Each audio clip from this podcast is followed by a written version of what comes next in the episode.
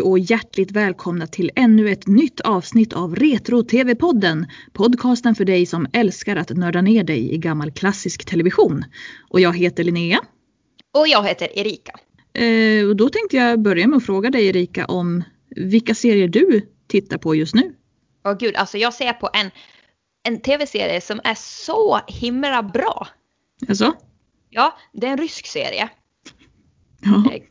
Ganska modern från 2015. Så det är ju ganska nytt för att vara en tv-serie som jag ser på.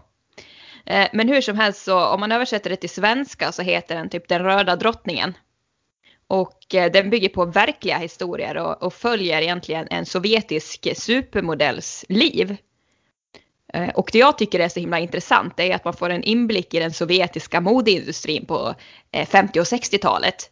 Jag hade till exempel ingen aning om att modellerna var statsanställda. Ja, Alltså, jag hade ingen aning om att de hade en modellindustri i Sovjetunionen överhuvudtaget. Ja, så för mig är det alltså, helt nytt. Deras modeindustri var ju lite speciell. Eh, de här stackars modedesignerna, alltså de är som är chefer på Moskvas eh, stadsmodehus liksom. De får ju hela tiden brottas mot det kommunistiska partiet för de vill ju in med lite västerländska influenser i, i modet och inspireras av Paris. Men så kommer ju de här sovjetiska pamparna och säger bara eh, arbetet är vackert nog, här behövs inga vackra kläder.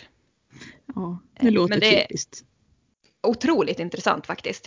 Eh, Eh, du då, ser du på någon tv-serie just nu som du tycker är bra? Ja, alltså jag har haft så väldigt mycket att göra de senaste veckorna så att det har inte riktigt funnits den tiden att sätta sig ner och, och slappna av på det sättet. Eh, jag har eh, liksom blivit mycket att jag har spelat lite spel eller försökt göra helt, helt andra saker. Så jag har inte riktigt haft ro att sätta mig in i någonting så jag har istället kanske lyssnat på podcast och sånt för att det blir för mycket, för mycket synintryck. Men jag började titta lite på Svenska hjärtan här för ett tag sedan. Eh, och kom väl in, det är inte så många avsnitt per säsong av Svenska hjärtan så jag har väl sett kanske halva första säsongen. Det vill säga en tre, fyra avsnitt. Precis, jag har klämt fem här eh, förra veckan.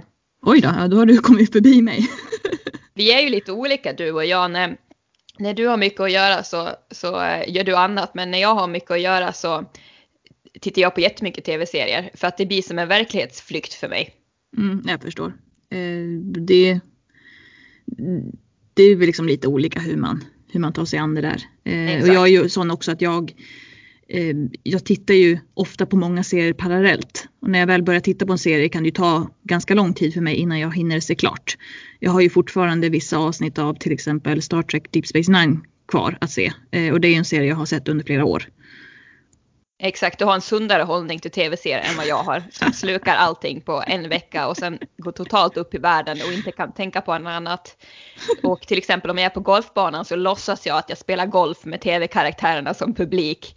Alltså jag har en helt osund relation till tv-karaktärer. Fast så där gör ju jag också. Eh, Och jag gör ju så när jag har eh, svårt att sova så drömmer jag mig ju in i tv-serien och hittar på egna storylines. liksom. Exakt så gör jag med. Det är det Eh. bästa som finns på kvällen. För att komma ner i varv. Ofta är det det enda som hjälper för att jag ska liksom komma ur det här ekorrhjulet när jag bara tänker på saker jag gör eh, med jobbet eller i skolan eller så. Ja, jag förstår. Men det är ju någonting helt annat vi ska prata om idag, inte sant? Ja, precis. Och idag ska vi nämligen prata om tv-serieavslutningar. Eh, och det vi ska säga är väl det här att eh, vi kommer prata väldigt mycket om det här. Vi kommer köra rätt in i kaklet så vi kommer inte ta någon hänsyn till om vi spoilar sl- slut eller så. Eh, så att ni som lyssnar som inte vill få reda på hur en viss serie slutar kan ju antingen eh, hoppa vidare till något annat avsnitt av podden eller vara väldigt snabb på pausknappen så fort vi nämner titeln på en serie som ni inte vill veta slutet på. Precis. Eller så kan ni gå in på SVT Play och kolla på Svenska hjärtan. Det är Ja. också jättebra tidsfördriv. Men helst vill vi ju att ni ska lyssna på podden. Ja, precis. Så man kanske får hoppa fram en, två minuter så fort det kommer en serie som man inte vill få spoilad. Ja, Linnea, du har ju i vanlig ordning varit väldigt eh, strukturerad och organiserad när eh, det är ju som sagt det är du som ofta är ansvarig för den här typen av avsnitt. Eh, och eh, du är ju verkligen ett föredöme när det kommer till struktur. Ja, det, det är enda sättet för, för mig att få mitt liv att gå ihop. så är det ju. Så nu har jag försökt Eh, få någon slags överblick. Det har försökt tematisera eh, typiska slut på serier. Och vi ska väl nämna också att vi kommer ju inte ta upp alla serier som finns för att det, det kommer ta en enorm tid. Så vi har gjort lite stickprov. Något som jag tänkte på när vi förberedde lite inför det här avsnittet. Så att jag tänkte, hmm. Och så slog det mig, jag kommer ju nästan inte ihåg ett enda tv-serieslut. Och det tror jag beror på att många tv-serier som produceras, då tänker man ofta vid säsongslutet att ja, det kommer en säsong till. Sen så har man fått eh, besked om att nej tyvärr, den här tv-serien blir inte förnyad. Och därför har många tv-serier inte ordentliga slut utan man lämnas liksom hängandes. Ja men, ja men så är det ju. Eh, absolut, och vi har några sådana exempel vi ska komma till. Och sen tror jag också att problemet kan vara att det är många serier, framförallt idag, som går väldigt, väldigt många säsonger. Och som hinner börja eh, stagnera mot slutet, vilket gör att den egentliga avslutningen på hela serien blir inte så minnesvärd för att eh, serien har tappat sina tittare under tiden. Så man kommer snarare ihåg tidigare cliffhangers och så än det riktiga slutet. Ja men precis. Eh, ja, men eh, då du har ju satt upp ett antal kategorier här eh, och vi ska väl gå igenom de kategori efter kategori tänker jag mig. Ja, och jag tänker att vi, vi börjar med det mest spektakulära slutet som jag har valt att döpa till Out with a bang. Oh my goodness. Nämligen då serier där, eh, som avslutas med att eh, någonting sprängs eller går upp i bitar eller brinner upp eller så. Och jag tror ju att eh, som svensk så är det nog väldigt många som tänker på det klassiska avslutet i såpan Tre Kronor. Ja. Är det här en, en tv-serie som du följde när den gick? Nej, det var, jag har ju aldrig varit Nej, jag har, jag har aldrig varit väldigt intresserad av, av svenska eh, såpor och så. Jag, jag, hängde ju, eller jag tittade mycket på Skilda Världar när det gick, men det var ju några år efter det här. Skilda Världar började ju 96 tror jag. Och Tre Kronor gick 94 till 99. Mm, eh, så jag misstänker att när det började så var jag kanske lite för liten och sen så eh, kom man in i Skilda Världar och då blev det den, den såpan jag följde då. Ja, jag läste ju att eh, Tre Kronor var ju Rederiets största rival. Men på 90-talet eh, så upplevde inte jag alls eh, att Tre Kronor alls var lika stort som Rederiet. Rederiet tyckte jag spelade i en egen liga. Ja, jag, jag håller med. Eh, och när du nämnde nu, jag såg ju Rederiet mycket också. Det blev ju, Skilda världar var intressant under en kort period, men Rederiet följde jag ju ganska länge. Eh, och, och, och, jag vet inte om, om man upplevde kanske att produktionsvärdet var större för rederiet som ändå, jag tänker, kanske hade en större budget i och med att det gick på SVT. Ja, men jag tror nästan det och det finns liksom en spänning bara i det faktum att det utspelar sig på en båt som går där mellan Mariehamn och, eller vad Åbo går den väl kanske till och, eh, och Stockholm då. Eh, så själva liksom ut, alltså platsen som rederiet utspelar sig, bara den är ju spännande i sig och särskilt för ett barn tänker jag. Ja, och det är ju upphov till väldigt många eh, häftiga eh, händelser och, och, avsnitt också. Exakt. Eh, men vi kommer ju komma in på rederiet lite senare, men nu är det Tre Kronor som, som det handlar om. Har du sett det här slutet med egna ögon? Jag har sett slutet. Eh, jag har inte sett hela sista avsnittet, så för mig så jag känner ju bara till den här scenen då. Jag förstår. Jag har ju sett de tre första säsongerna kanske av Tre Kronor och det har jag gjort i efterhand absolut ingen favoritserie. Däremot tycker jag att vi ska ta upp den i ett framtida avsnitt för att den är ändå en så pass stor och känd svensk serie. Ja, och framförallt Men, är ju slutet så otroligt känt också. Exakt. Och eh, det hela handlar väl egentligen om att eh, hela, alltså alla karaktärer som bor i den här fiktiva staden som jag för mig heter, heter Mälarviken de har väl blivit tjusade av en, av en pastor, Sten Frisk, som spelas av Per Ragnar. Mm. Och han är ju väldigt, eh, som jag förstått det så kanske han, så är han, jag är osäker på om han är liksom pastor eller präst i Svenska kyrkan eller om han är frireligiös. För mig förefaller han ju tämligen frireligiös. Ja, det är de vibbar man får i alla fall. Men han är ju en väldigt så här, entusiasmerande och karismatisk men psykopatisk pastor. Ja, det stämmer bra. Och han, eh, han samlar ju alla karaktärer då som vi har fått lärt känna under många år i, i en stor hall. Och eh, där står han och predikar. Och så kommer en av huvudkaraktärerna inrusande och skriker att han har en bomb, han kommer spränga er i luften.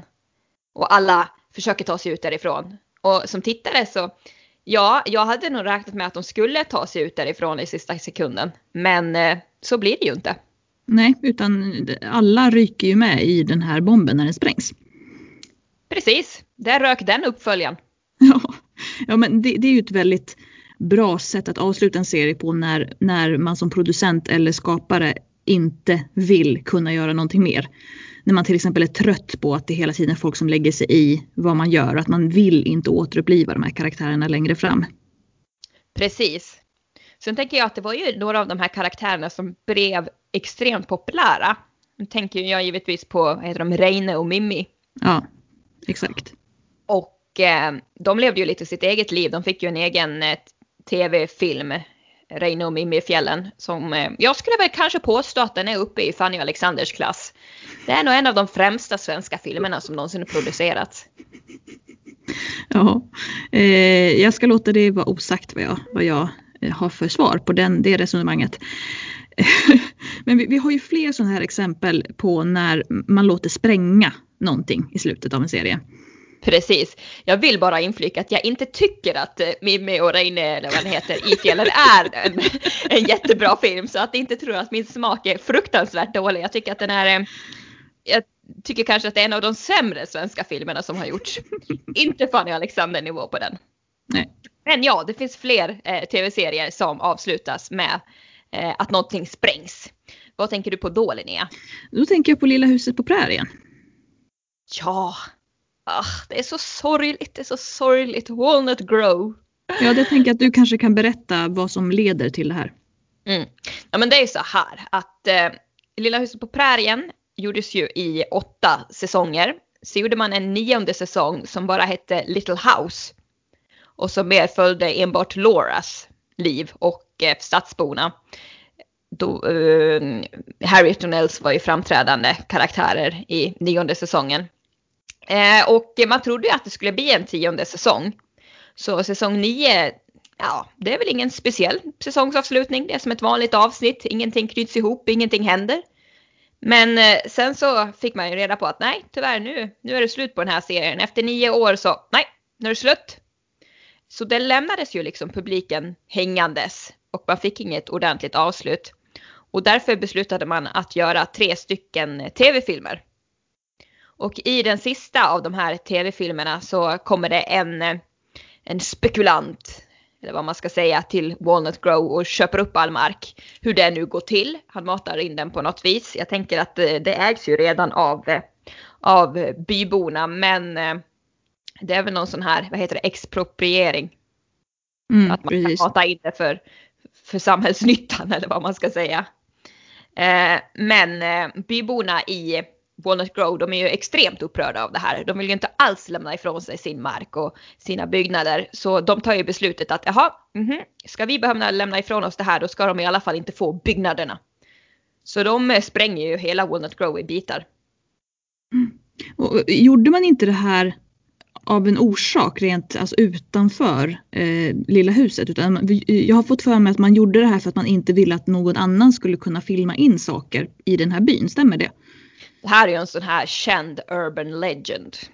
Man brukar ju säga det att nej, Michael Landon ville inte att man skulle spela in B-filmer i Walnut Grove. Så därför lät han spränga byn. Men i själva verket var det så här att eh, man enligt kontrakt var skyldig att återställa den här, eh, den här platsen eh, till vad den hade sett ut som innan. Ja, så det var därför man, man sprängde allting. Men det är dramatiskt att ta med det i tv. Ja, verkligen. Eh, och det fanns ju också spekulationer efter det här att man skulle ha gjort en, en uppföljare som hette The Olsens. Och som handlar om eh, The Olsens när de flyttade till New York för att bo med Nelly. Mm -hmm. Och jag tror att det hade varit så kul. Ja, jo det hade varit roligt på ett sätt men det hade ju känts lite udda kanske också. Äh, det hade varit så bra. Jag menar enda anledningen till att kolla på Lilla huset på prärien det är ju Nils och Harriet. Så jag kan ju faktiskt avslöja att jag har inte sett de tre sista tv-filmerna. För att Harriet är ju inte med. Och då finns ju inte den här roliga dynamiken mellan de två. Och då är det ingen vits att se. Nej, så enkelt. Så enkelt det. Om jag ska ta en av mina favoritserier alla tider. Eh, som jag dock tyckte väl var bättre de första säsongerna än de sista. Men det är Tredje skiftet. Mm. Eh, det var den här serien eh, som den gick på kanal 5 här i Sverige. Den handlade om Eh, en polisstation och en brandstation och en då eh, ambulans, eh, eller ja, det hörde, det hörde ambulansförare till den här brandstationen då. De jobbade då på det tredje skiftet, alltså det skift som går mellan klockan tre på eftermiddagen och klockan 11 på kvällen. Och man fick följa alla de här karaktärerna på olika sätt. Eh, och då i, i tredje skiftet så ehm, jag kommer inte exakt ihåg upplösningen till det här men i alla fall så i sista avsnittet så blir det någon slags belägring av polishuset. Eh, och det, är- jag tror att det ska vara någon fritagning på gång så att det, de kastar in granater och allt möjligt där så hela den här polisstationen blir totalförstörd. Och sen Oj. beskriver de ju då hur, eh, eller det, det finns en berättarröst som beskriver att eh, polisstationen byggdes upp igen men inte på samma ställe. Eh, Så Oh. att det, de har ju byggt polisstationen för det området i New York där ute på en helt annan gata. Så därmed fanns det ju inte längre eh, den här polisstationen kvar och så valde man att avsluta serien. Jag förstår. För det så som- dramatiskt. Ja, så den här stationen låg precis i, i skarven mellan eh, två gator, gatorna som heter King och Arthur. Så att man kallade den här stationen för Camelot. Så det allra första avsnittet heter Welcome to Camelot och det allra sista avsnittet heter Goodbye to Camelot. Aha, nej vad häftigt. Mm.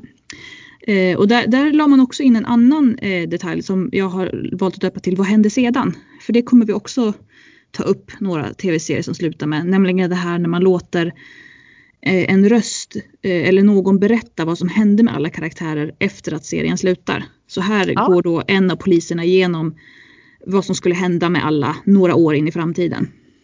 Spännande. Så det, ja, det, även om jag tyckte att det var mycket i eh, mycket i serien som inte var jättebra de sista säsongerna så eh, tyckte jag att eh, sista avsnittet hade ändå ett, men det var verkligen out with a bang. Ja, Sannerligen.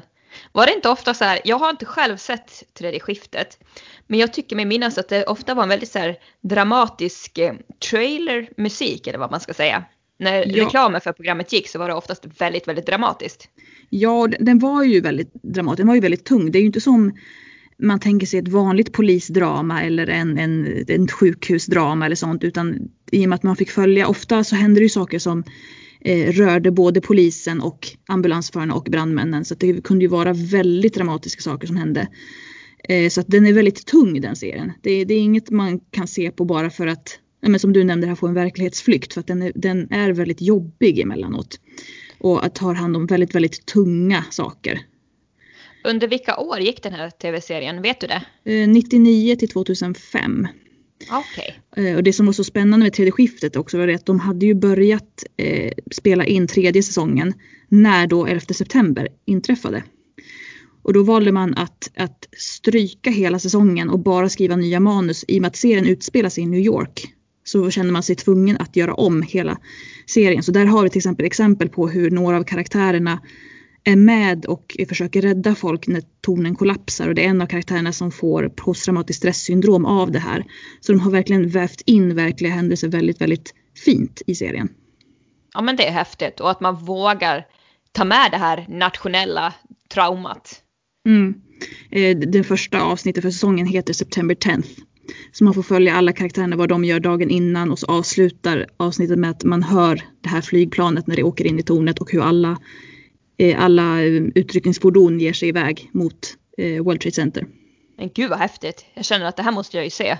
Mm, det tycker jag verkligen. Det, är Gud, ett väldigt, väldigt intressant grepp att ta. Sannerligen. Jättespännande. Ja, nu ska vi inte grotta ner oss i tredje skiftet. Eh, utan jag tänkte raskt gå vidare till Oj. en annan serie.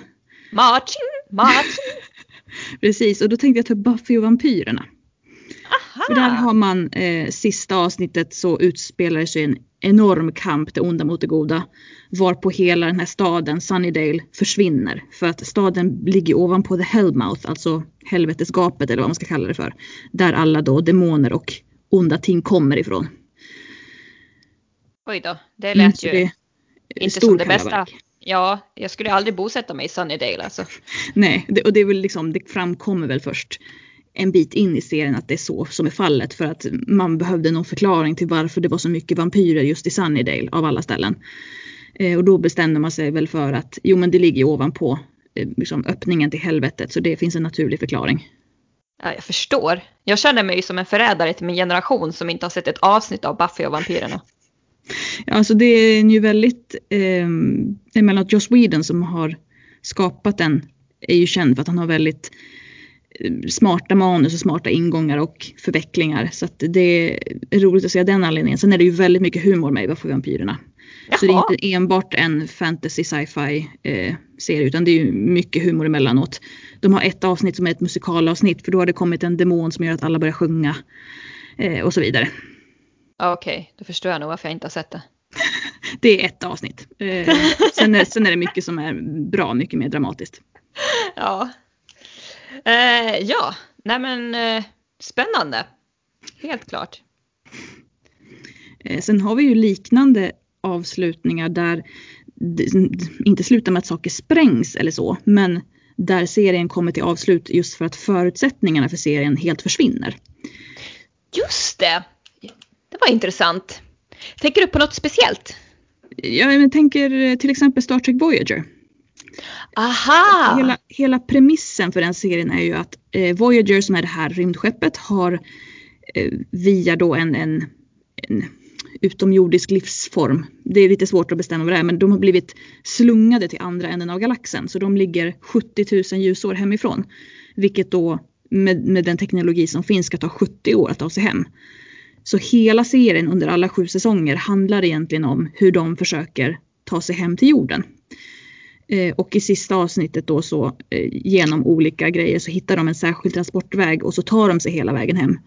Och då är de ju hemma så då finns det ju ingen anledning att fortsätta serien. Nej, då har de ju upp något vad de skulle göra. Ja, det är målet. Det är ju inte så att oj, de att man, att man skulle inte kunna plocka upp den och sen helt plötsligt, ja men vi kastar ut dem ett antal ljusår från jorden igen. För att det blir ju jätteskumt.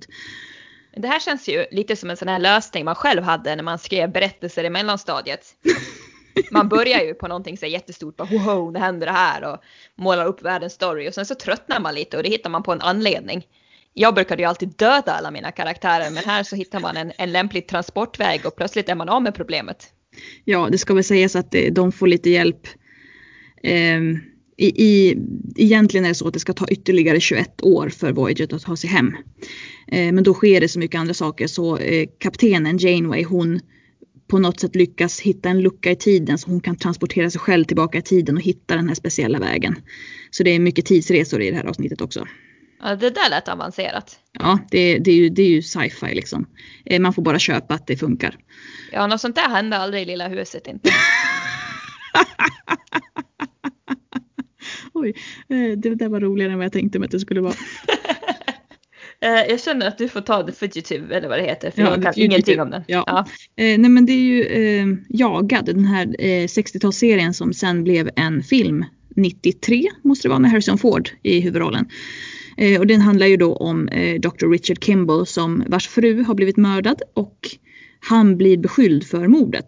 Och han sticker ju då för att han vill rent få sitt namn och han vet om, det enda han vet om är att det är en enarmad man som har begått det här mordet.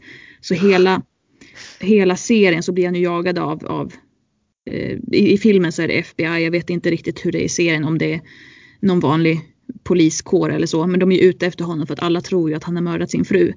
Men sen i sista avsnittet så får han ju tag i den här enarmade mannen och kan rent få sitt namn. Och då finns det ju inte heller någon förutsättning för att fortsätta serien. Han kan ju inte bli åt, och anklagad för att ha mördat sin fru en gång till. Nej, nej precis. Jag tror att jag har sett den här filmen men jag har inte sett eh, tv-serien.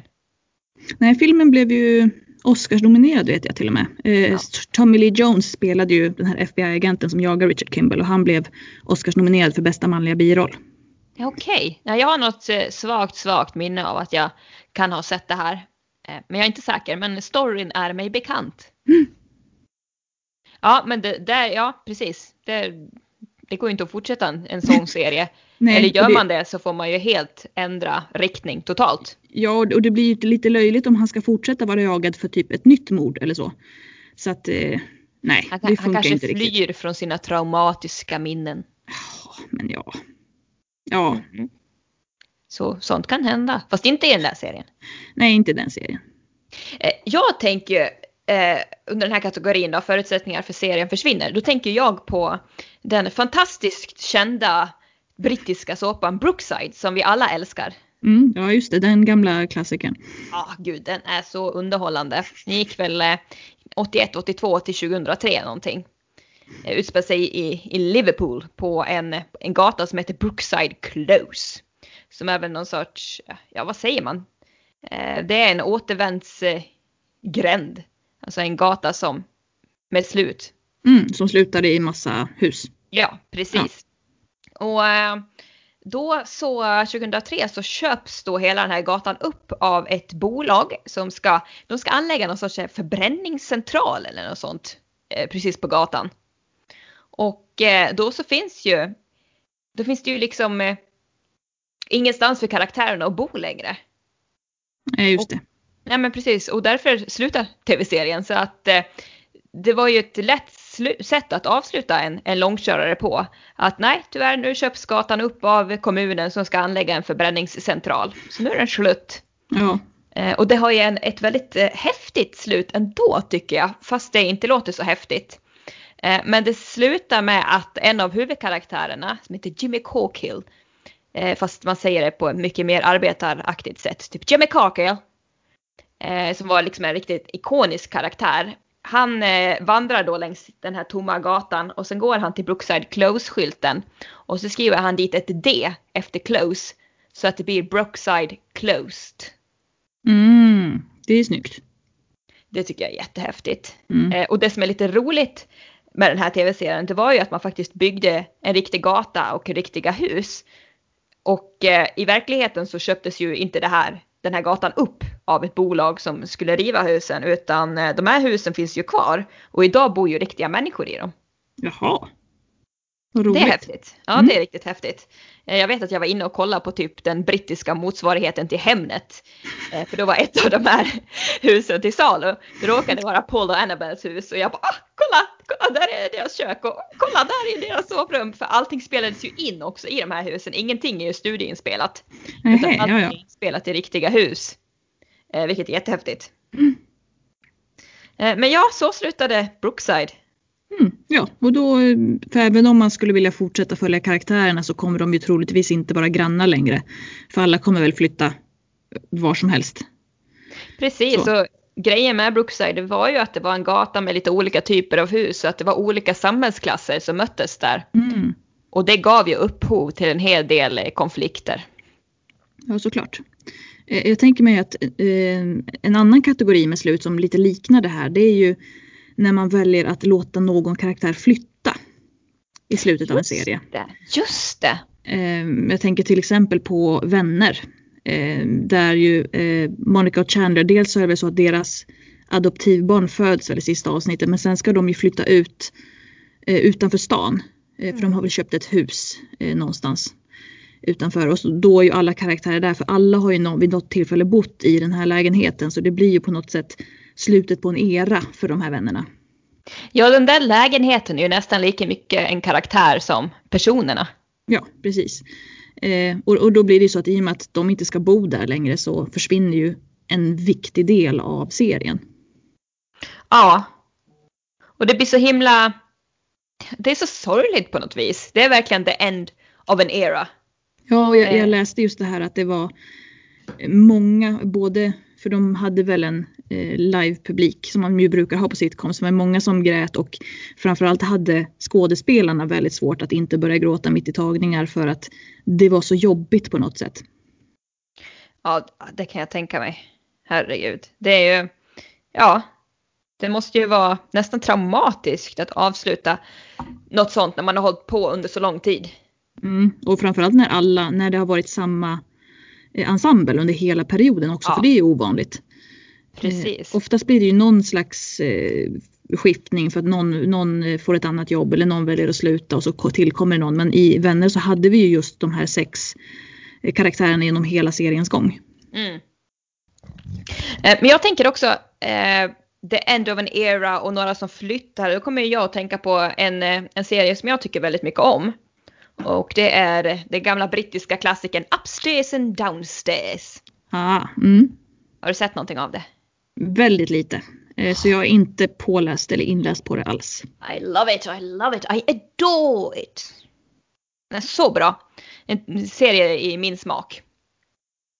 Eh, men i alla fall, den utspelar ju sig på i ett, i ett liksom magnifikt hus i, i Belgravia som är ju det exklusivaste området man kan bo på i London. Mm. Eh, och här får man ju följa överklassen då som bor där uppe och sen tjänstefolket som bor där nere. Och eh, den här tv-serien utspelar sig mellan, ja, om det är 1900 kanske till 1930. Så att alla de här karaktärerna som man får följa, vissa dör ju, många åldras och går från äh, unga till gamla. Men i alla fall i, i sista avsnittet så har eh, Richard Bellamy som har varit den här eh, familjefadern och familjens överhuvud, han har dött. Och man inser att nej, vi har, inte, vi har inte råd att ha det här stora huset kvar längre. Utan eh, man, eh, de här familjemedlemmarna, de köper billigare hus och eh, i den allra sista serie, scenen så går eh, familjens trofasta tjänarinna Rose. Hon går igenom alla de här tomma rummen och för varje rum hon kommer in i så utspelar sig eller sp spelas ett gammalt minne upp. Ah, vad fint. Och det är väldigt, det är väldigt starkt. Mm, det kan jag tänka mig. Och sen så får man se utsidan av huset och, och då ser man tydligt att 165 Eaton Place är till salu. Oh. Och, oh. Ja, det är sorgligt. Ja, det blir en sån tyngd till slutet också. Ja, men man, det blir det. Om man tänker på alla som har levt och verkat i detta hus och allting som har utspelat sig och plötsligt är det på något vis bara tomma väggar och kall marmor. Mm det är ju samma sak, kanske inte så mycket marmor. Eller det kanske i och för sig är i Bel Air, men det är ju Fresh Prince i Bel Air. För det ja. slutar ju med att hela den här familjen, alltså Uncle Phils familj, de ska flytta till ett nytt hus. De lämnar Vita huset alltså? Ja. Jag kallar deras hus för Vita ja. huset för jag tycker det ser lite det är ut. Vitt. Ja, och det är, så att om jag inte är helt ute och cyklar så är det så att eh, Will går ju igenom, är ju in i det tomma vardagsrummet i sista scenen. Och ser sig omkring innan han lämnar huset då. Alltså jag gillar inte den här typen av slut, det blir för tungt för mig. Ja, vill du höra ett ännu tyngre slut? Mm. Det är pantertanter. Åh nej! För den, den slutar ju med, för det, det var ju framförallt B. Arthur som inte ville fortsätta med serien. Så då hade man skrivit in att eh, Blanche, den här karaktären som spelas av, eh, nu tappar jag namnet. Ruth, Rue McClanahan. Rue McClanahan, ja precis. Hon har liksom bjudit in sin Uncle Lucas Mm. Eh, och för att jag tror, jag vet inte om det är ett skämt eller om hon ska, han ska tjusa Dorothy men de fattar tycke för varandra i alla fall. Och eh, gifter sig med varandra. Så då ska Dorothy eh, och Lucas flytta ihop och flytta därifrån och så ska de åka iväg på smekmånad. Så att eh, Dorothy säger adjö till de andra tre och går från huset och sen den sista scenen vi ser det är att de tre som är kvar Alltså Blanche, Sofia och Rose. Att de kramar om varandra och gråter och sen börjar eftertexterna rulla. Ja, det är hemskt. Ja. Och det, det, det är ju så här också att eh, eh de tar farväl av varandra och sen så går Dorothy ut. Men sen så kommer hon ju inrusande igen och de kramar om varandra.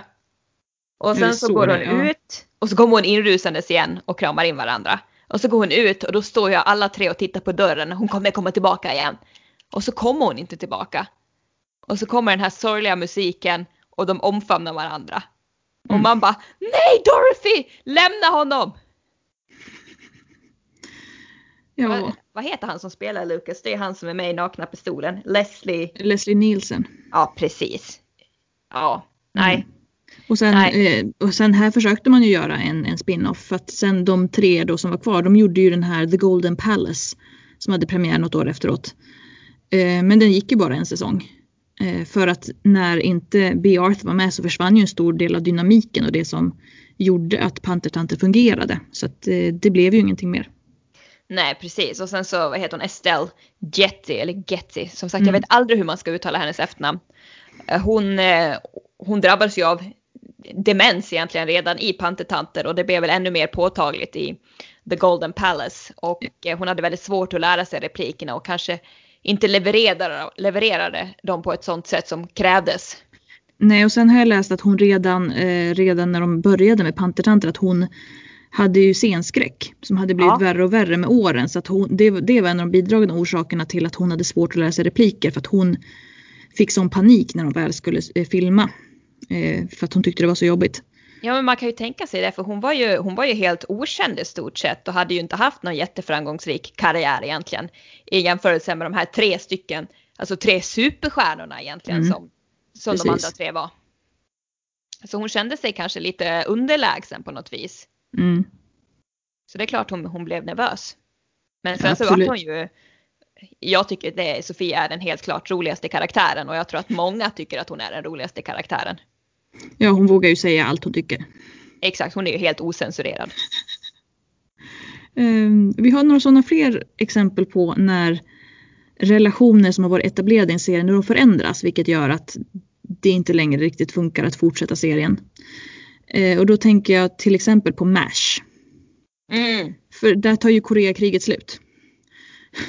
Så det Ja. finns ju inte längre eh, något krig för dem att vara i. Nej men precis, det skulle ju vara i så fall att de blev helt avskurna från, eh, från allting, tappade all radiokommunikation och sen liksom 20 år senare så upptäckte de, jaha, tog det här kriget slut 1900, bla bla bla. Mm, ja, precis. Ehm, och det, det, det som är intressant med just det sista avsnittet av MASH. Det har fortfarande än idag rekordet för det mest sedda tv-programmet genom alla tider. Wow, det är ju häftigt. Ja, inte ens Super Bowl har lyckats knipa den platsen från MASH. Ja, det är ju imponerande. Det är ju imponerande. Vilken ligger två? Är det Who Shot JR-grejen tror jag? Om man inte Oj. räknar Super Bowl då. Ja, det är mycket möjligt. Det, har jag, det måste jag kolla upp. Det vet jag faktiskt inte. Jag skulle nästan tro det. Jag kan inte tänka mig något, att något annat skulle konk- kunna konkurrera Nej. där. Sen, sen vet jag också att ehm, till exempel Rötter var ju också extremt eh, populärt i USA. Mm, Eh, så det hade ju också väldigt, väldigt höga tittarsiffror. just det. Eh, och sen, sen har vi ju till exempel The Nanny. She was walking in. Ja, precis. Precis. Ett väldigt, väldigt roligt eh, intro. Eh, men där, eh, det har ju som en stor del av, av seriens eh, storylines under hela gången. Det var ju det att, att eh, Cici som är Maxwells kompanjon, hon, hon vill ju ha Maxwell. Eh, och sen allt eftersom så blir ju Maxwell och Fran ett par istället. Eh, och under sista säsongen då så är hon gravid och i sista avsnittet så föder hon sina tvillingar. Och någonstans under eh, de här säsongerna så har ju Niles, det vill säga butlern och Cici insett att de, de bråkar så mycket för att de egentligen är förälskade i varandra. Så att i sista avsnittet gifter de sig med varandra och får reda på att de också väntar barn. De har ju den här typiska munhuggarkemin eller vad man ska säga. Ja, precis. Eh, så, så det som händer är att Maxwell och Fran de får barn och Niles och Cici gifter sig. Och något avsnitt tidigare hade även Mag, det vill säga eh, Maxwells äldsta dotter, hon hade också gift sig. Det är väldigt traditionella slut här måste jag säga. Ja, och, och då blir det så att eh, Fran är inte längre någon nanny utan hon har ju sina egna barn. För de barnen hon var nanny åt har ju blivit vuxna och flyttat därifrån. Och jag gissar att Niles och Cici när de gifter sig så flyttar väl de ihop. Niles kommer ju troligtvis inte längre vara butler eh, och så vidare. Så att här försvinner ju också, det är så mycket relationer som ändras och så mycket dynamik som försvinner. Ja, ja, nej det hade varit svårt att, att fortsätta den här tv-serien. Man hade ju kunnat gjort det, men då hade ju inte liksom drivkraften alls varit samma sak. Nej, precis. Eh, I så fall skulle ju Fran behöva vara nanny i någon annan familj, Ah, Och det, det blir ju konstigt. Eller så kommer det en ny nanny till Maxwell och Fran. Ja, så, ja just det. Så skulle det också kunna vara. Men då hade man fått omtolka det, alltså hela Ja. tiden på något vis. Och det här var ju också en serie som precis som Vänner hade haft samma cast i princip hela, hela seriens gång. Ja, Eh, Så det hade nog kanske känts märkligt att slänga in en ny nanny. det, det är lite kul så här, för när Maxwell och Fran gifte sig, då har de absolut förbjudit Frans, eh, om det är faster eller moster, Aunt Frida att sjunga. Och Aunt Frida spelas ju av Lainey Kazan. ja. Och hon kan ju sjunga. Mm. Eh, så att eh, hon är ju skitförbannad över att hon inte fick vara med. Eh, Aunt Frida. Så att man beslutar sig att göra en bröllopsvideo i efterhand. Där då Aunt Frida får vara med och sjunga. Och jag tror att hela publiken sitter och förväntar sig att det här kommer att låta så förskräckligt. För att varför ska de liksom, det måste ju finnas någon anledning till varför de inte vill att hon ska sjunga på bröllopet. Mm. Och så kör hon igång och alla är liksom, alltså alla som såg det och alla som har sett det här klippet på YouTube, alla är helt såhär bara VA? Är det sant? För de drar av en riktigt bra tolkning av I'll remember you. Och för, och för alla som inte känner till Leinika Sam, för hon är inte speciellt känd i Sverige. Hon som spelar mamman i mitt eh, stora fetiska grekiska bröllop, hon har ju, hon har ju ändå en, en röst som är lika bra som Barbara Streisands. Ja, hon var väl största konkurrenten till Barbara Streisand där ett tag. Ja, precis. På, på 60-talet så Mm. konkurrerade de ju om Funny Girl. Eh, men eh, Streisand fick då huvudrollen och eh, Kazan var stand-in, eller vad det heter. Mm. Ja, understudy. Understudy, så heter det.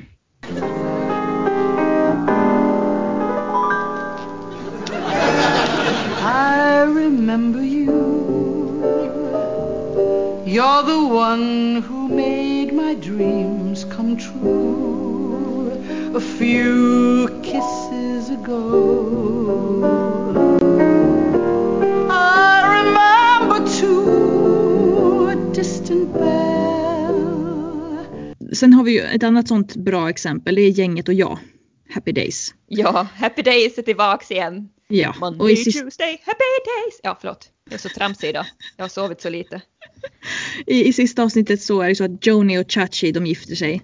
Och Fonzie adopterar en pojke och, och så återkommer Richie för att tacka alla för de här åren och så. Så att det blir ju väldigt, ett väldigt tydligt avslut. För att reda ut, Richie, det är alltså han som var huvudkaraktär från början. Ja. Han den rödhåriga. Ron, Ron Howard heter han va? Ja, precis. Och Joni är väl Richies syster. Nu sätter du mig på pottkanten men jag tror det. Ja. Jag, jag tror det. Eh, och Chachi, just det. Hon gifte sig med honom ja. Och Fonzie, han är ju egentligen, han var ju ingen jättestor karaktär från början. Nej men, Men han, han blev ju så- den som alla förknippar med serien. Ja, han blev ju så otroligt, otroligt populär. Men jag skulle ju nästan trott att eh, det hade ju varit roligt slut om eh, Richie och Jonis mamma hade rymt med Fonzie. För de hade ju en extremt stark kemi. Ja. Det hade ju varit kul tycker jag. Det hade känts lite, ja men det hade känts lite konstigt också kanske. Ja, alltså det hade ju inte riktigt passat in i den här präktiga 50-60-tals stilen. Nej. Men ah, det hade ju varit kul.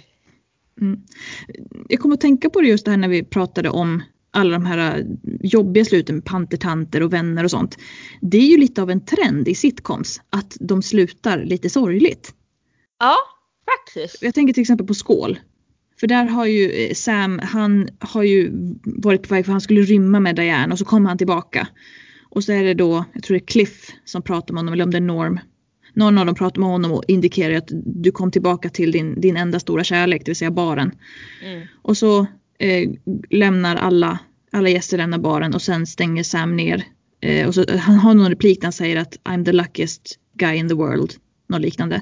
Mm. Och sen går han ut genom biljardrummet och det är en exakt spegling av hur första avsnittet var för där gör han entré från biljardrummet. Ehm, så att det här speglas något sånt men det blir också lite tungt på något sätt. Även om man förstår att han kommer ju öppna upp baren imorgon igen men det blir det blir väl det här att man har hängt med så länge och känner för de här karaktärerna. Mm. Och på något vis så, det finns ju något vackert i att baren är liksom, den kommer ju ständigt att vara där och Mm. just det återspeglas ju väldigt tydligt i, i introt. Där man får följa den här baren då egentligen från ja, men tidigt 1900-tal och sen framåt i tiden. Men det blir ju också lite sorgligt på något vis. För att eh, på det här viset så det har hänt så väldigt mycket under seriens gång. Men ändå så är han på något vis på samma plats Mm. när den slutar som när den börjar. Ja, även om det, och även om det har hänt honom mycket och han har utvecklats så är han på samma plats. Det, det, det blir lite bitterljuvt det där. Ja, precis. Och det, och det är många sitcoms som är så att man avslutar på, på samma plats där man började. Eller på, av någon anledning. Vi nämnde Fresh Prince of Bel-Air men det är ganska vanligt grepp det här att en sitcom, framförallt de som handlar om familjer, att man slutar i vardagsrummet och så har man tillbakablickar till, till tidigare avsnitt. Vet du vad jag ramlade över igår? Nej. Jag vet inte om du minns den här jättekonstiga sitcomen från 90-talet som hade dinosaurier i huvudrollen. Jag har Dinosaurs. sett no några enstaka bilder men jag har inte sett serien.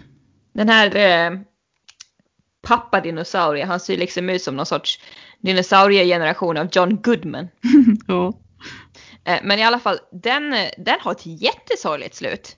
Mhm. Då är det så här att eh, den här pappa dinosaurie då, jag tror att han jobbar i byggsvängen på något vis, eller i byggbranschen. Eh, och då har han och hans chef på något vis gjort, de har gjort någonting så att de har satt igång eh, typ en istid som utrotar dinosaurierna. Oj. Och han vet då att det här kommer ske. Att alla kommer dö. Så att avslutet slutar med att han kommer hem till sin familj som sitter i vardagsrummet. Och eh, snön faller liksom tungt utanför och så säger han det att ja, jag ber verkligen om ursäkt för det här. Och typ nu kommer vi alla att dö. Och så sitter de och tittar på varandra och sen så zoomar det ut så ser man hur snön faller tungt över det här huset. Oj, vad jobbigt. Ja, Vilket tungt slut. det var jättetungt. Och det tror man ju inte att man ska få in någon sån liksom, nej det var, det var nästan traumatiskt. Hade jag sett det som barn så hade jag ju blivit uppriktigt ledsen. Ja, det förstår jag. Jag tänkte på du nämnde John Goodman. Ja, Och då kommer jag ju tänka på Roseanne. ja just det. Om vi då, om vi då bortser från eh, eh, de här, den här säsongen man gjorde nu på 2000-talet, eller om vi tar originalserien. Så är ju Precis. hela, egentligen, hela sista säsongen är ju märklig. Ja, den är jättekonstig. De vinner ju hur mycket pengar som helst på något sorts lotteri.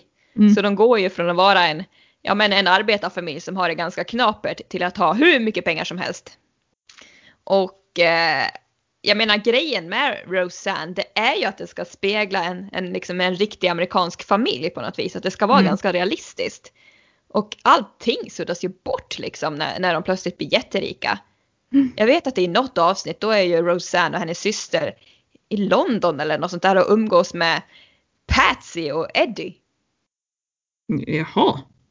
Från AdFab. Jättekonstigt. Ja, precis. Ja, det är skumt. Ja, om de, jag tror att de typ tar droger på någon toalett. Alltså jag kan ha helt fel för jag har bara sett klipp av det här. Men det är i alla fall extremt konstigt och det har ju totalt jumped the shark som man säger. Ja, och det var ju det speglades ju också i tittarsiffrorna för att de tappade ju jättemycket tittare under sista säsongen. Just för att folk såg ju den här serien just för att de var en vanlig familj som hade det lite svårt. Eh, Mm. Som fick kämpa. Eh, så då eh, ställde man ju in serien helt enkelt. Man förnyade inte den. Eh, och då av någon anledning så har, ha- tog manusförfattarna eller producenterna beslutet att säga att hela den här sista säsongen ni såg, det var en dröm.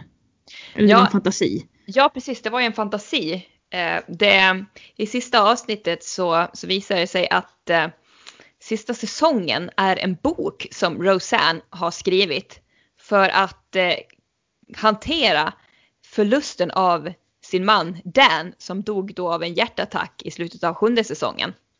För, eller om det är slutet av åttonde säsongen.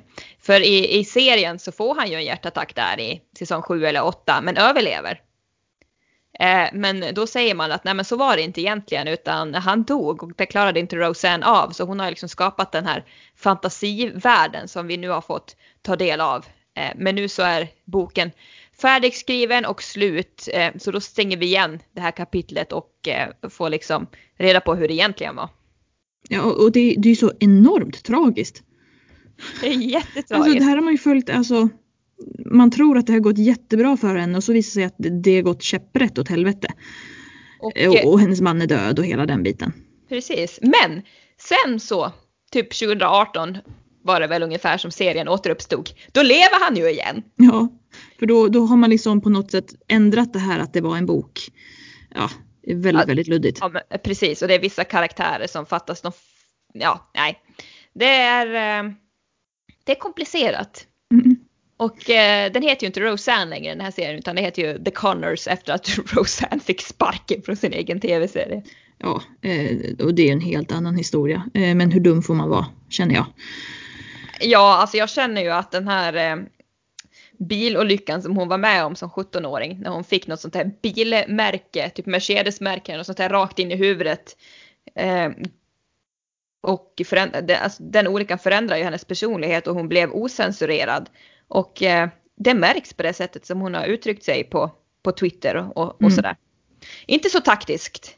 Nej, verkligen inte. Det borde Eh. hon kunna förutsett vad som skulle hända. Ja. Eh, Men det här med Roseanne, det har jag satt in i kategorin allt var en dröm. Ah, Eh, okej. och, och där har vi mitt, även mitt absoluta favoritexempel. Eh, det är en serie som heter Saint Elsewhere. Eh, den har tydligen gått i Sverige under titeln Akuten, vilket inte säger så mycket. Eh, men det var en väldigt populär sjukhusserie som gick i USA. Jag trodde den handlade om nunnor. Ja, det, kan man tänka sig, men nej. Men gissningsvis är det här ett sjukhus då med, med någon slags eh, klosterkoppling eller vad man ska säga. Eh, någon slags religiös koppling i alla fall. Eh, men den, den serien avslutas med att i sista avsnittet, i sista scenerna så får man reda på att hela serien har varit en fantasi. Va? Att det, det här är egentligen en autistisk pojke som har drömt eller hittat på hela serien. Va? Mm, en, så det är en autistisk pojke med, med en, han sitter med en snöglob i handen tror jag. Och han, han har hittat på allt det här. Så allt det här man har sett i flera år är bara en fantasi. Eh, och, det som är så roligt med det här är att Saint Elsewhere hade jättemycket kopplingar till andra serier. För att man hade dels karaktärer ur Saint Elsewhere som var med i andra serier och sen andra karaktärer ur andra serier som var med i Saint Elsewhere. Så helt plötsligt så blir de här kopplingarna att det finns hur många serier som helst som då potentiellt bara existerar i den här autistiska pojkens hjärna. Men så märkligt. Ja, det, alltså, det, det, det det är just det här att ingen som riktigt förstår sig på det här slutet. För vet att eh, vet Bob Newhart, eh, komikern, han hade ju också en serie som hette The New, eller den hette Newhart, eh, en, en sitcom. Och i slutet av den serien så har de gjort en parodi av Saint Elsewhere. För där är det också någonting i stil med att det är någon som har drömt om det här. Så att det här har aldrig hänt på riktigt. Eh, för att det här är ett sånt känt serieslut som alla tycker är superkonstigt. Men, men gud. Ja, men det är jättekul. Ja, det är kul. Men jag skulle också känna mig lite lurad som tittare på något vis. Här har jag liksom investerat mitt liv, eller ja, mitt liv kanske är att överdriva. Men här har jag investerat min tid och tittat på det här. Och sen så har det liksom inte, sen har det varit på låtsas. Sen är ju i och för sig tv-serier alltid på låtsas i, i stort sett, men eh, här blir det liksom dubbelt på låtsas. Mm, man- man vill ju ändå tro att det har hänt. Ja men precis, precis. Ha! Ja men det var intressant att höra, det visste jag faktiskt inte. Det är så märkligt. Ja och sen att eh, Sankt Elsewhere inte enbart handlar om nunnor heller, det var också en Du ser. för mig. Ja. Eh, Men på tal om parodier på drömmar, Ja. eh, då tänker jag på Sunset Beach. Åh, ja, det, det slutet är ju så himla konstigt. Ja Men, men, det är jättekonstigt. För då är det ju så här att seriens, man skulle kunna säga huvudkaraktär egentligen, Meg, Mm. Hon, eh, hon gifte sig då med, med den här mannen som hon har velat gifta sig med under hela seriens gång. Till slut! Finally! Ja men eller hur! Åh gud det var en evighets, eh, verkligen en evighetssåpa. En dag varade i 30 avsnitt liksom. ja.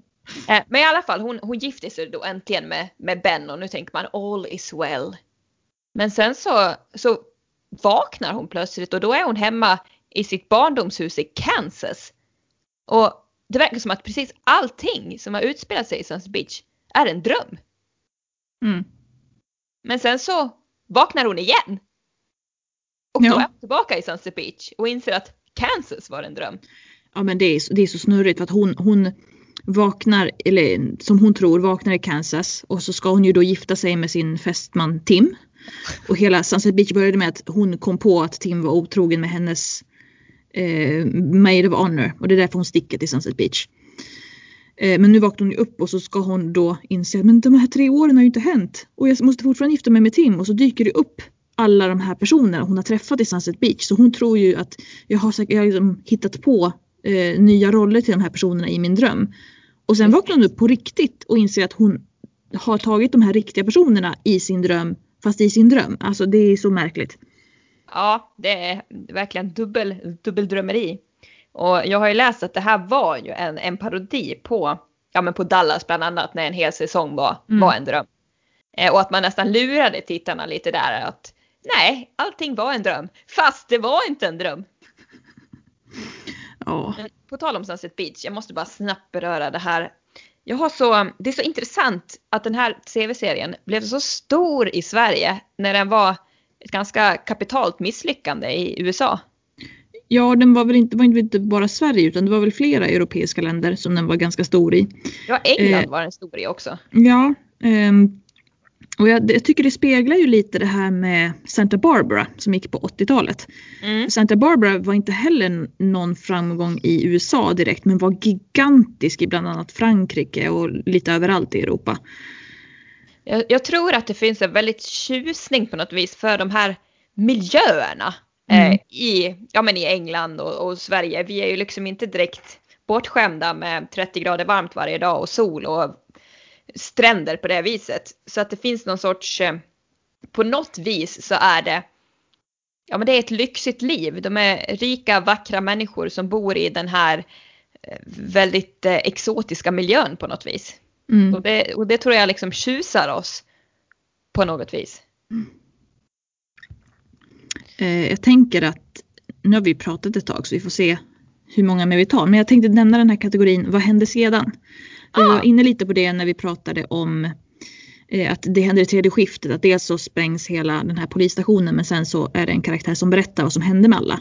Och det har vi ju några exempel på. Bland annat en serie som vi har nämnt, nämligen Rederiet. Ja, gud jag älskar det här slutet.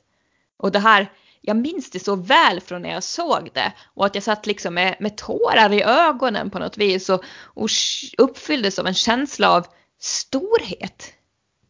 Ja. Upplevde du något liknande? Nej, alltså jag tyckte det var jag tyckte det var spännande och häftigt och jag gillar ju när man får veta vad som händer med någon. Ehm, och det här var, I det här fallet så var det väl att eh, man fick reda på vad som hände tio år efter serien. Att Ja. serien slutade så fick man reda på vad som hände sen. Ehm, jag till exempel har ju inga problem med slutet på Harry Potter-böckerna. Eh, det är många som tycker att det är jättejobbigt att, att får reda på vad som hände med Harry och de andra. Jag tycker inte att det spelar någon roll. Jag hatar slutet. Jag tycker det är alldeles för präktigt. Ja det är möjligt men det, är- det, är många som har, det är många som är väldigt väldigt upprörda över att de inte själva fick fundera ut vad som hände. De är inte så upprörda över att det är präktigt utan de är upprörda över att det ens finns en tio år senare grej.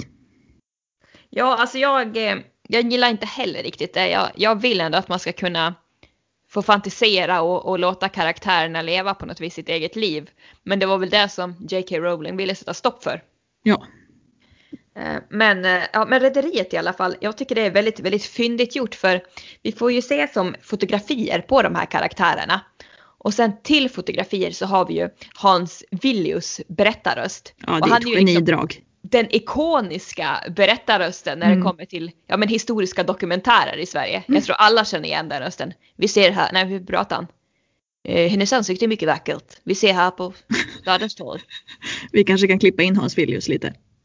Ja men precis. Eh, Det kanske inte var en helt lyckad. Men ja, man gör sitt bästa. Men Ja. vi, vi, vi klipper in det så får ni lyssna här så, så förstår ni vad jag menar. Eh, lyssna och njut. Augusti. En solvarm skog med yppig grönska någonstans i Mellansverige. När kan det här fotografiet vara taget? När i all sin dag går man klädd i väst med klockkedja och slips en sån här dag? För att nu inte tala om mannen till höger. I skjortärmarna och hatt med brett band. Det måste vara 30-tal. Hela fotografiet andas 30-tal. Ja, en, en annan tv-serie där man får se vad som, vad som händer i framtiden det är ju Allå Allå. Ja, Och vad tycker du om det här slutet? ja alltså jag har ingenting emot det heller. Jag tycker att det funkar. Eh, framförallt i och med att det är en sitcom så tycker jag det funkar utmärkt. Det är ju lite roligt att eh, René han, eh, han, eh, vad säger man, han rymmer ju med Yvette. Ja, Så, och han, de har ju suktat efter varandra hela, hela tiden liksom. Eh, så det tycker jag är väldigt, väldigt kul. Och jag tror att när de sticker iväg så står väl hans fru i ett fönster och försöker hojta åt honom att han ska komma tillbaka. Så det är väldigt, väldigt roligt. ja jag tycker synd om, om Edith. Edith. Ja, Ja, nej, ja. men det är, det är ingen match made in heaven det där. Nej. Verkligen inte. Så att eh, ja, han får, nog, eh, får det nog bra med med Yvette och Lady Edith eller vad fasen hon heter, med Madam Edith. Hon får det nog bra med den här begravningsentreprenören som alltid är ute efter henne. Ja, det tror jag också. Och sen har ju även Gruber och Helga har gift sig också. Det är väldigt roligt. Ja, det är faktiskt väldigt kul. En väldigt fyndig tv-serie, om än lite en, en sida eller vad man ska säga. Ja, Eh, Men det, den är ganska kul. Och är, är ju en bra parodi på, på eh, vad ska man säga, det brittiska underrättelsearbetet under andra världskriget. ja precis. Och sen har vi ju de här sluten som vi pratade om lite i början. Det här när eh, en serie helt enkelt inte har förnyats, vilket gör att de slutar med en cliffhanger. Eh, och där till exempel en av de märkligaste cliffhangerna som jag tycker det är den här serien Moesha. Det var ju den här, eh, det var en komediserie på 90-talet eh, med afroamerikaner i. För där blir hennes lillebror Miles kidnappad. Oj! Mm, och sen slutar den så man får inte veta vad som händer med den här stackars Miles. Men gud! Och, och, och det som var ännu mer märkligt var att man avslutade serien när de bara hade något enstaka avsnitt kvar att filma. Så att hela tanken var ju att man skulle göra ett till ordentligt avsnitt där Miles blev räddad och allt slutade bra. Men det fick man inte göra. Men så märkligt. Ja, superkonstigt. Så det är fortfarande så här, ja, undrar vad som hände med Miles. Ja, så, så surt för serieskaparna. Mm. Att här har man skrivit en hel säsong utom sista avsnittet. Och då blir ju hela liksom, serien på något vis värdelös. Ja, alltså, ja, det, det är så märkligt. Gud vad tråkigt. Vad, vad gick det här på för bolag? Var, var det en amerikansk serie? Ja, det var en amerikansk serie. Moesha var ju, om jag inte minns fel, hon var ju sångerska också på 90-talet. så R&B sångerska. Aha. Eh, Så det var väl en sån tie Precis som man gjorde med Fresh Prince of Bel-Air så hade man ju en rappare som blev skådespelare. Det var väl lite samma tänk. Om jag inte är helt ute och cyklar men det var, det var en sån här ungdomsserie mer. Ja okej. Ja det är ingenting som, som jag har sett faktiskt. Men nu så googlar jag. Och då känner jag ändå igen karaktärerna. Ja, det, det är ingen, alltså jag har inte heller några direkta minnen så men jag vet ju vad det är. Jag känner igen namnet och jag, som jag sagt, precis som du säger när man ser ensemblen så känner man igen dem också. Precis. Jag vet inte ens om den, om den gick på svensk tv. Ja, den kan väl ha gått på typ trean eller något sånt kanske. Ja, trean eller ZTV eller något Mm. sånt där. Hippt! Någon hipp kanal. Någon hipp, ja precis. Gud, alltså jag låter som en pensionär. En hipp kanal. Ja, ja, ja. Jag, Det är bara jag att acceptera. Är, ju- jag är gammaldags. Jag är, jag är fast i en annan tid. Det är bara så. Sen, sen har jag ett annat eh, eh, roligt exempel eh, och det är den här Alf. Åh, den här rymdvarelsen. Ja precis, för att da- den eh, blev också eh, cancellerad eller vad man säger. Eh, så det är avsnitt, sista avsnittet. Sen fick den några tv-filmer som man ändå fick en, en någon slags ihopknypning av säcken här. Men själva tv-serien slutar med att Alf ska, han ska resa hem till sin hemplanet. Men då blir han omringad av massa myndighetspersoner för de har liksom till slut lyckats lista ut att det är en utomjording här.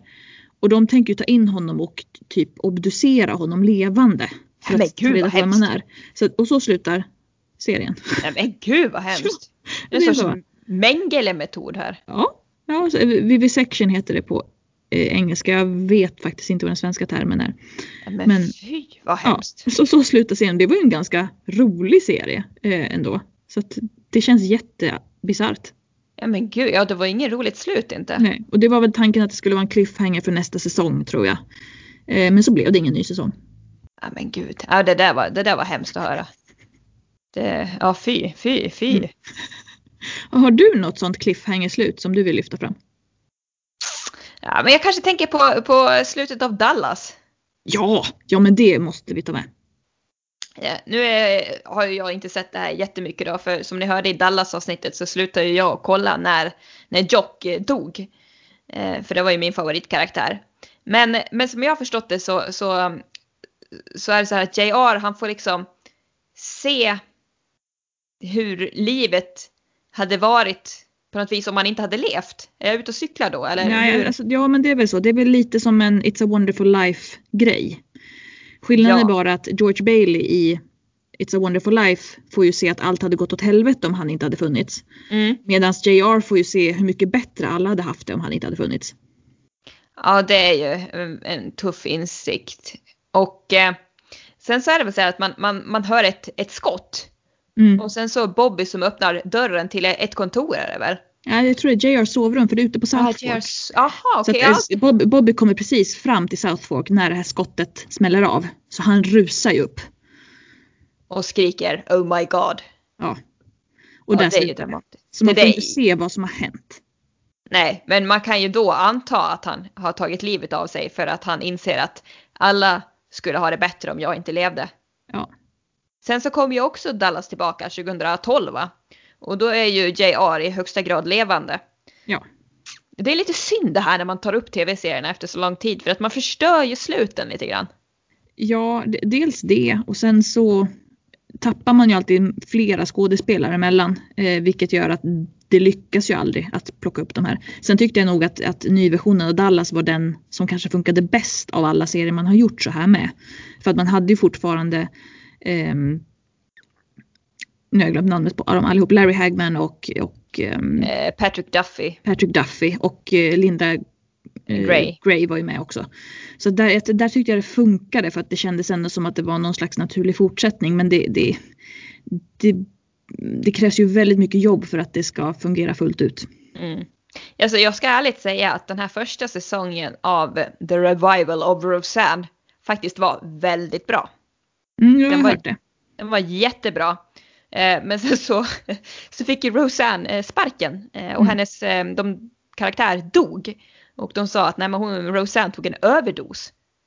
Vilket kanske är ett ganska taskigt sätt att göra sig av med den karaktären på. Men man ville väl riktigt trycka till henne liksom. Ja, jo men så. Eh, och eh, de följande säsongerna som heter The Connors är inte alls lika bra. Och det är ju inte så konstigt för man har ju faktiskt tagit bort eh, huvudkaraktären. Ja, som serien är döpt efter. E- e- exakt, så att eh, ja, nej, man kanske skulle ha låtit eh, hela tv-serien på något vis eh, gå i, i, i graven med karaktären Roseanne. Ja. Ska vi låta det vara slutordet? Ja, det, Ja. det kan vi ju nog göra. Eh, Så eh, sensmoralen är hela att eh, om du har en serie som är döpt efter en karaktär och du inte ska ha karaktären längre så låt serien gå i graven med karaktären. Ja, precis, det var, det var kloka ord från, Mm. Ja. från dig. Jag är så full med visdomsord här så att det, ja. Ja, men du är ju det. Du är, du är som en fontän av kunskap. Jajamän.